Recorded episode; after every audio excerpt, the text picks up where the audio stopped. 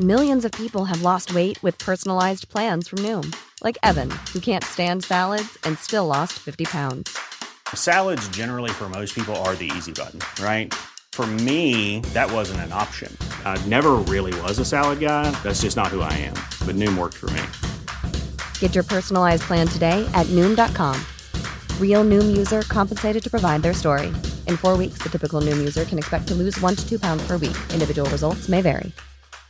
Cool fact a crocodile can't stick out its tongue. Also, you can get health insurance for a month or just under a year in some states. United Healthcare short term insurance plans, underwritten by Golden Rule Insurance Company, offer flexible, budget friendly coverage for you. Learn more at uh1.com.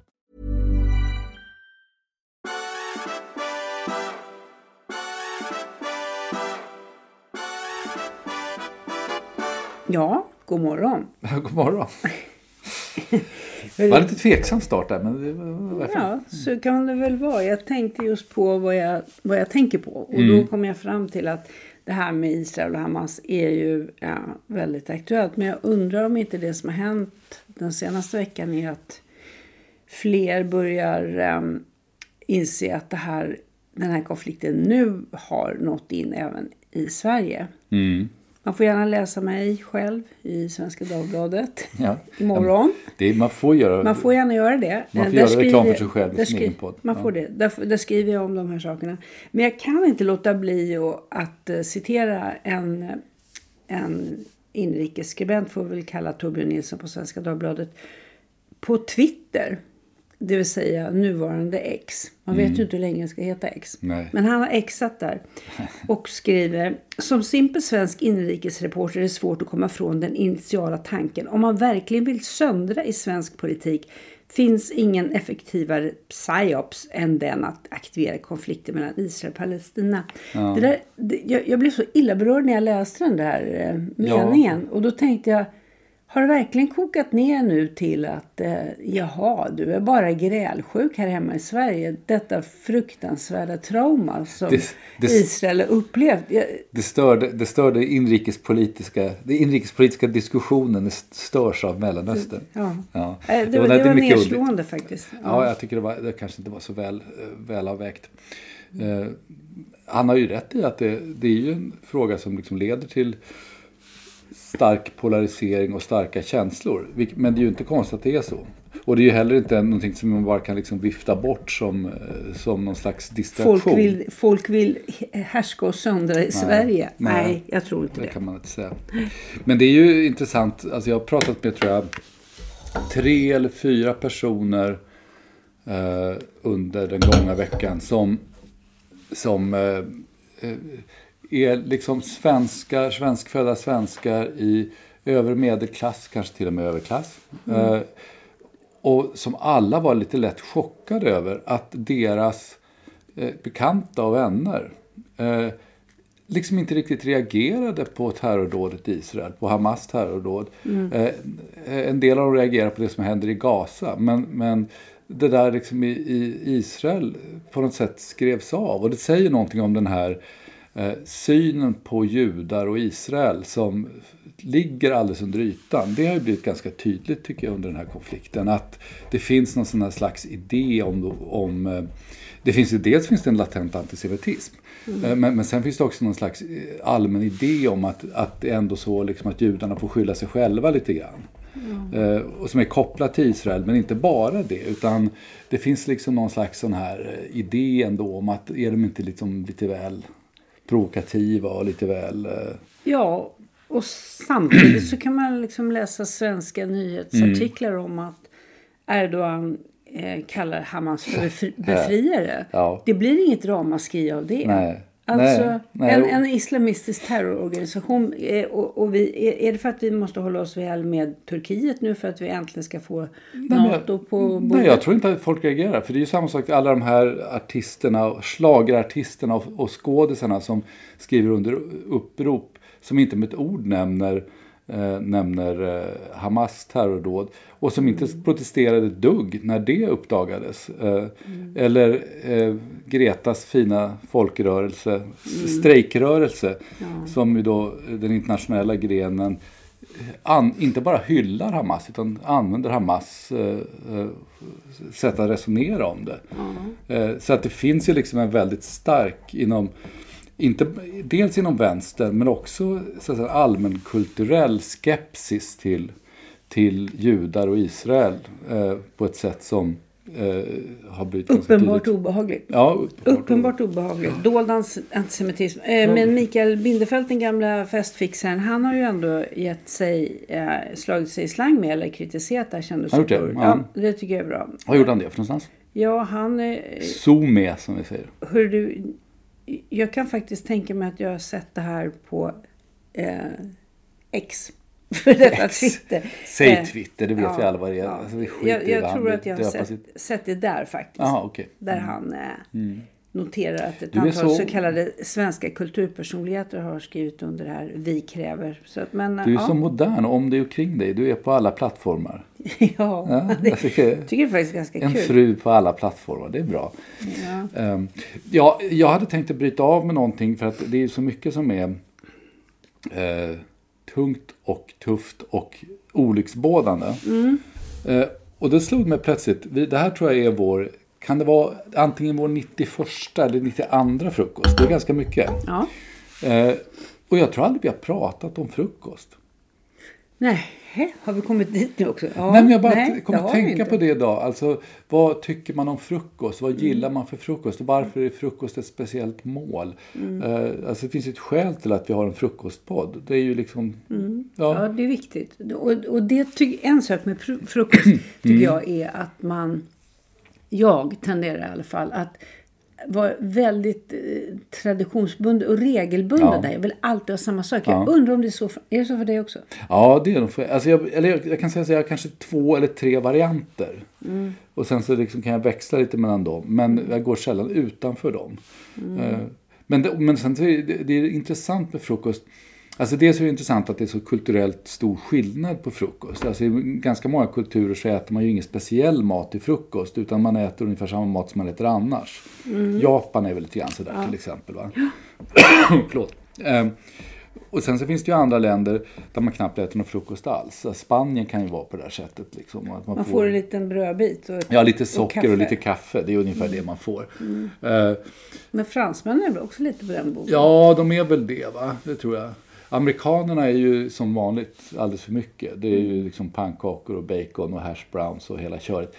Eh, Och engelsmän, lägg till korvar. Och blodpudding. Mm. Black pudding. Och, och eh, eh, stekta tomater är ju någonting som man också kör mycket i Ja. England till frukost. Men sen finns det ju då det, förutom det man serverar, så finns det ju också, jag har alltid, jag har liksom en ambivalent relation till frukost. För jag tycker mycket om frukosten som Idé. Ja, som idé och som måltid och som också liksom socialt tillfälle.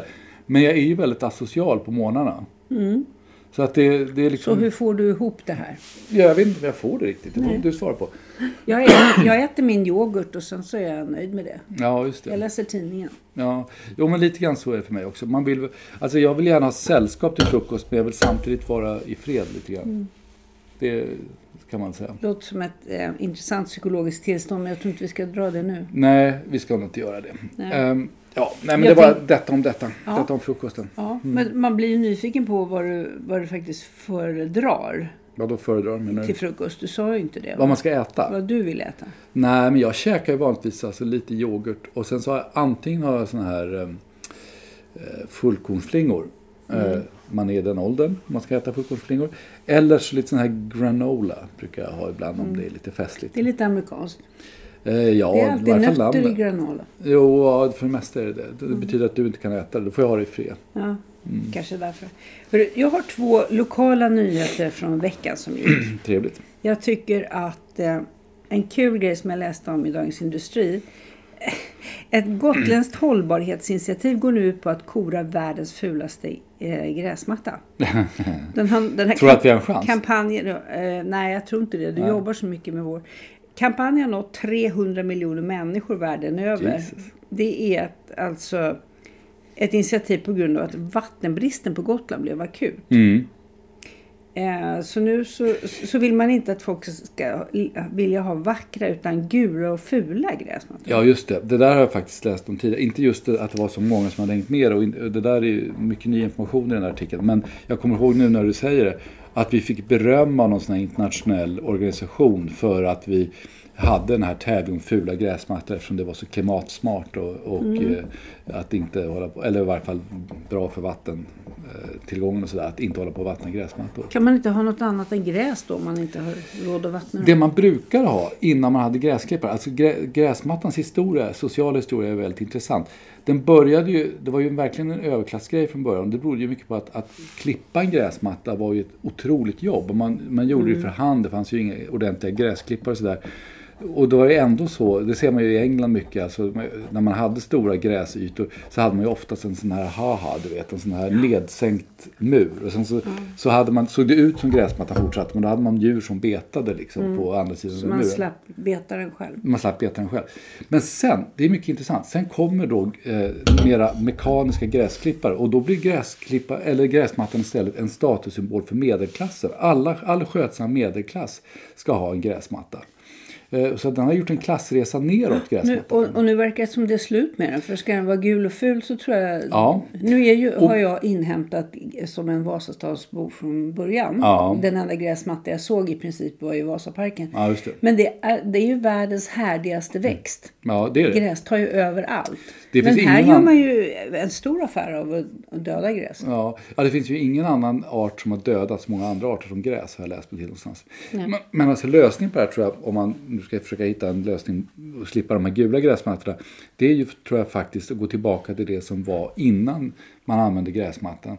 Eh, just därför att man inte var någon, kunde klippa. Då hade man backtimjan. Jaha. Det är inget skönt att gå på sådär men det doftar ju gott och det är, det är mycket mer motståndskraftigt mot torka. Ja. Så, vi, man kan ha backtimjan istället. Det är ett vårt tips här från Trädgårdsdags. Ja, bra. Sen har vi en ny från eh, eh, från Örebro kommun. Jaha, det nästa lokala nyhet. Ja, apropå det här som vi har diskuterat att vi kanske har en, en aning lite för mycket akademiker som mm. håller på med akademiska mm. metoder här. Mm. Örebro eh, kommun har kommit på att det är väldigt viktigt med säkerhetsarbete. För de mm. har en säkerhetsavdelning mm. och den här säkerhetsavdelningen gör trygghetsmätningar. Man, man, frågar folk i Örebro kommun vad som gör dem otrygga. Jaha. Och då visar det sig att i princip alla enligt den här akademiskt får vi anta upplagda undersökningen svarar brister i belysningen. Det är för mörkt. Mm. Intressant. Det är ju ganska lätt att åtgärda tänker man sig. Mm. Inte då. Särskilt nu när man, när man har ljus som inte drar någon ström i stort sett. Det är inget dyrt. Ja, nej, men man har, eh, så här är det. Kommunen har ett väldigt gammalt elnät. Ja. Så eh, då berättar en eh, bekymrad man som inte låter riktigt som en i akademikerligan att tyvärr så saknas det 850 miljoner för att lysa upp i, i kommun 850 miljoner. För det, det, här elnätet är så eftersatt. Ja. Det har inte gjort saker sedan andra världskrigets slut. Nej. Så, där, så nu har Örebro kommun saknat 850 miljoner för att lysa upp och göra allting tryggt. Men däremot så har de ju en säkerhetsavdelning full mm. med människor. Jag vet mm. inte vad de kostar. Och de människorna, de ordnar trygghetsvandringar.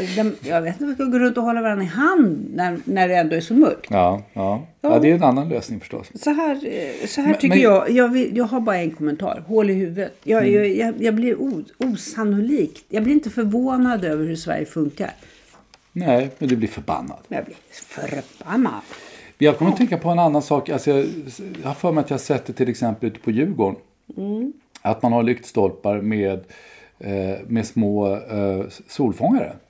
Som alltså laddar upp under dagen och sen så lyser de på natten. Undrar vad det kostar att installera?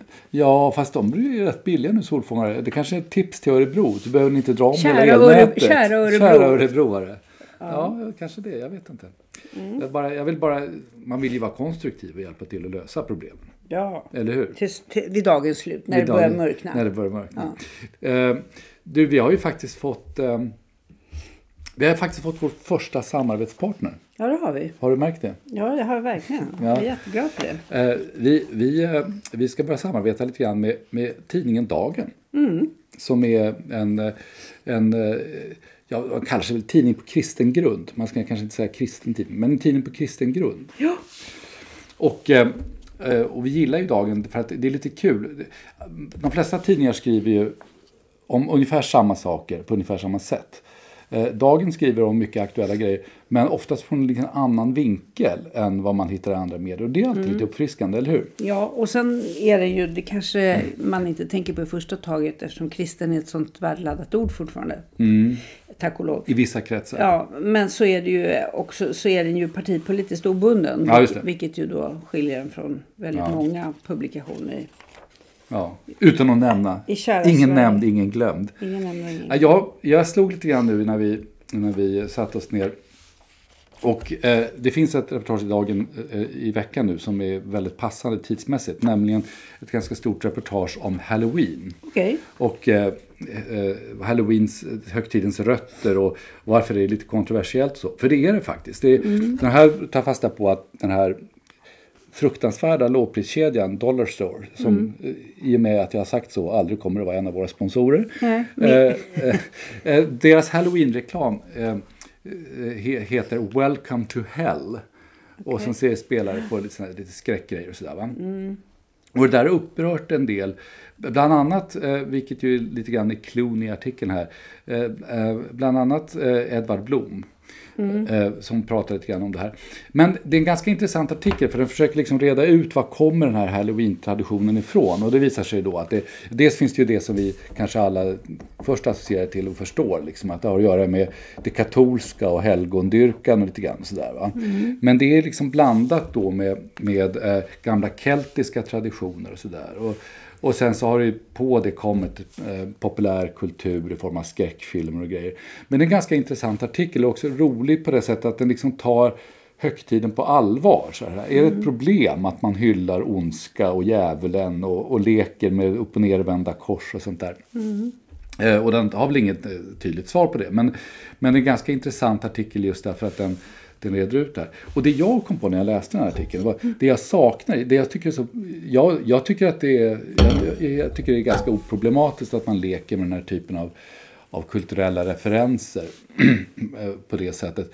Men Halloween är ju så platt, det är så tråkigt, det är så kommersiellt. Det jag önskar det är den här eh, mexikanska versionen, The Day of the Dead. När man sitter på gravarna och Ja. skålar och äter tillsammans Ja. med de döda. Ja, just, man klär ut sig till, man kan, på liknande sätt som Halloween, liksom, till, som, till skelett och så vidare. Men man umgås och, och till och med festar med sina döda släktingar och så. Det, det är ju alltså det är ju en väldigt, i sina stycken, katolsk eh, sätt att agera på.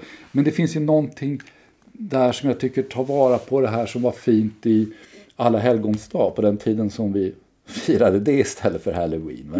Att det inte bara är den här eh, pumpor och, eh, och eh, spindelnät. Nej, och, och det, det som är så tråkigt med halloween är väl egentligen att ja, men hur upplöses den här skräckfyllda känslan och, och liksom situationen?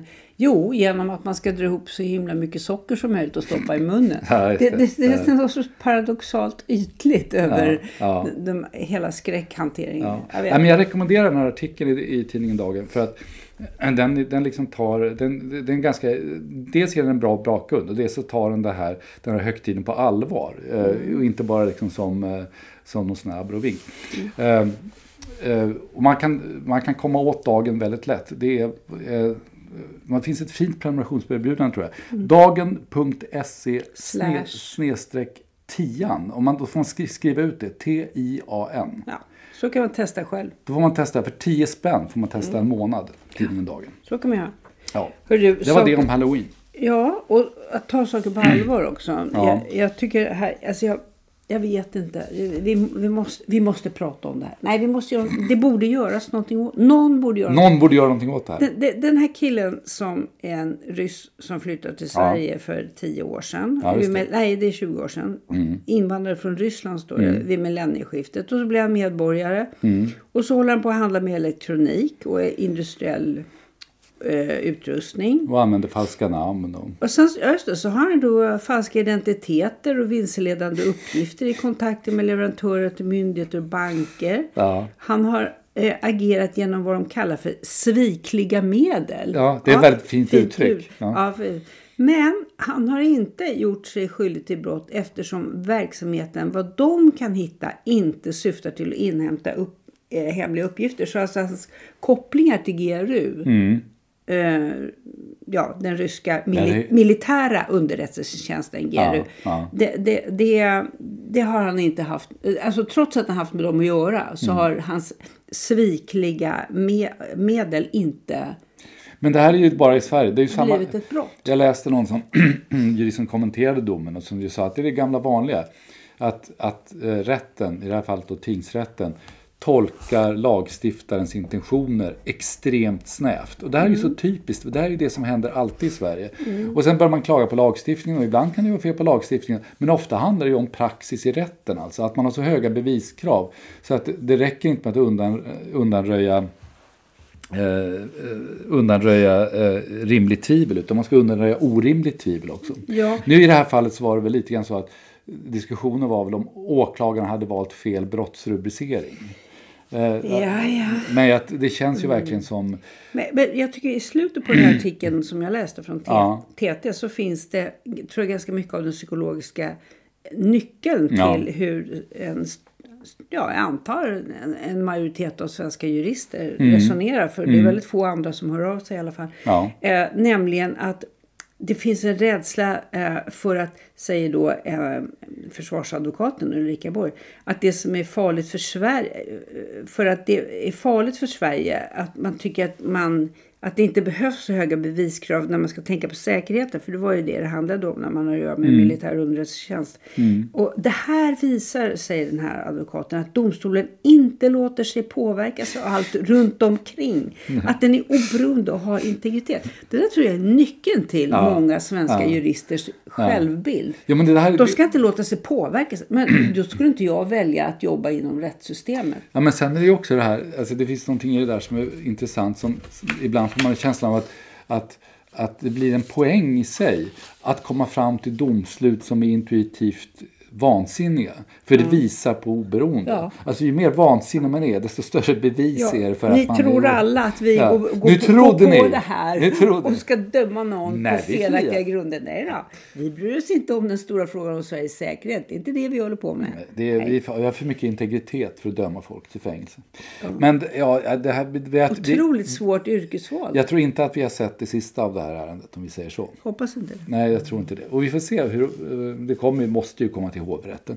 Mm. Men, eh, och det var någon som sa att de trodde att det kommer att antagligen gå ända upp till, till eh, högsta domstolen. Därför att det just handlar om sådana här principfrågor.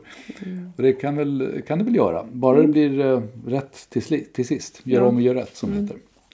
Och övertyga oss om att ni har gjort Mm. Ja. om och gjort rätt. Det tror jag är viktigt. Vi ska snart sluta tror jag. Men Ja, tror jag. Vi, ska vi nämna något ord om den här opinionsundersökningen som har kommit idag tror jag till och med. Eller igår var det kanske. Ja, det kanske är bättre att du gör det va? Eller? Okej. Nej, men det, det, det är väl Ekot, eh, Sveriges Radio, som har gjort en opinionsundersökning, gamla vanliga med partierna. Och eh, det var lite intressant. Eh, alltså mycket av den där eh, skiljer sig inte från andra opinionsundersökningar. Det går rätt bra för sossarna. De ligger eh, ja, mellan 35 och 40, vilket ju är bra för dem i, i nuläget. Eh, det går väldigt dåligt för Kristdemokraterna och Liberalerna som inte bara ligger under 4 procent utan under 3 procent. Och det finns i flera andra opinionsmätningar också. Går ingen vidare för Centern och ligger runt 4. Men det som skilde sig i den här opinionsmätningen från andra som jag har sett eh, nyligen är ju att nu går det plötsligt uppåt igen för Sverigedemokraterna och det går neråt för Moderaterna.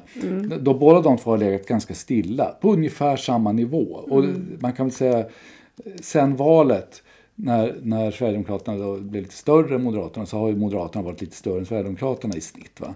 Men nu har de här banorna skilts åt och SD går uppåt och, och Moderaterna går neråt. Och, och det kan mycket väl vara så. Men det som fick mig att fundera lite grann eh, är ju det är väldigt mycket nya namn i den här opinionsmätningsbranschen nu. Och jag tycker det är väldigt svårt att bedöma deras trovärdighet. För att eh, de har nästan alla olika metoder nu. Ja. Alltså en del använder eh, webbenkäter, en del eh, ringer fortfarande, vilket har blivit allt svårare för folk svarar inte. Eh, du, sa, du tittade på det här och sa att de här skickar ut brev. ja, det verkar så. Och det kanske är bättre, det kanske, jag vet inte. Men, men det blir väldigt svårt att värdera de här undersökningarna. Och när det då kommer en undersökning som avviker från andra, då vet man inte riktigt vad man ska tro om den. Eller hur? Nej, jag skrev ju opinionsundersökningar eh, när Ja. vi var på Svenska Dagbladets ledarsida. Då var det ju Sifo som var den stora Ja, aktören och då köpte Svenska Dagbladet av Sifo. Mm. Och då var det ju också känt att det fanns någonting som betecknades som hack i kurvan. Ibland dök det upp en obegriplig eh, uppgång eller nedgång Ja. som sen visade sig inte återkomma utan det, det var just ett hack. Så det, Det är sen är det det där med självrekrytering. Ja, Eh, ja. Får man ett, eh, liksom ett urval av människor som är extra intresserade, inte bara kanske då av politik, utan också av att Ja. förekomma en en- opinionsundersökning. Exakt, det blir liksom en sned. Men det, ja, det är intressant. Jag tror en del av det här, alltså mycket handlar ju om kostnader och sånt där förstås. Sen handlar det också om att människor inte svarar. Förr, förr i tiden hade man auktoritetstro, man svarade på, massa, på allting man fick i stort sett av, av mer eller mindre av plikt. Men det handlar ju också om en annan sak tror jag. Och det är ju att jag tror att många eh, mediehus har begripit att opinionsundersökningar är bara intressanta den dagen de kommer. Ingen kommer ihåg nästa vecka att du hade fel i din opinionsmätning förra veckan. Så det man gör är att man, man, man beställer undersökningar och man kanske inte är så jätteintresserad av hur korrekta de är. Så länge man kan göra rubriker på dem. För det spelar ingen roll, det kostar ingenting två dagar senare att det visar sig att det var fel. Nej, det är ett smärtfritt sätt att göra en nyhet. Ja, precis. Så tror jag det kan vara. Om man ska vara lite cynisk, och det får man väl vara. Det får man vara. Mm. Men man får sluta med det också om man vill. Jaha, ska vi, Jag tror det. ska vi lägga ner nu? Vi ska, vi ska göra det. Vi håller på länge. Ja. Ja. Ja, det kanske Tack för att ni lyssnar. Ja, det får man väl säga. Och ehm, Vi hörs vi, igen. vi ses ju nästa vecka, så att det, Hörs. ni behöver inte vara så... Ni behöver inte känna er så övergivna. Eller hur? Vi lovar. Vi kommer tillbaka. Det är bra. Hej på er! Hej.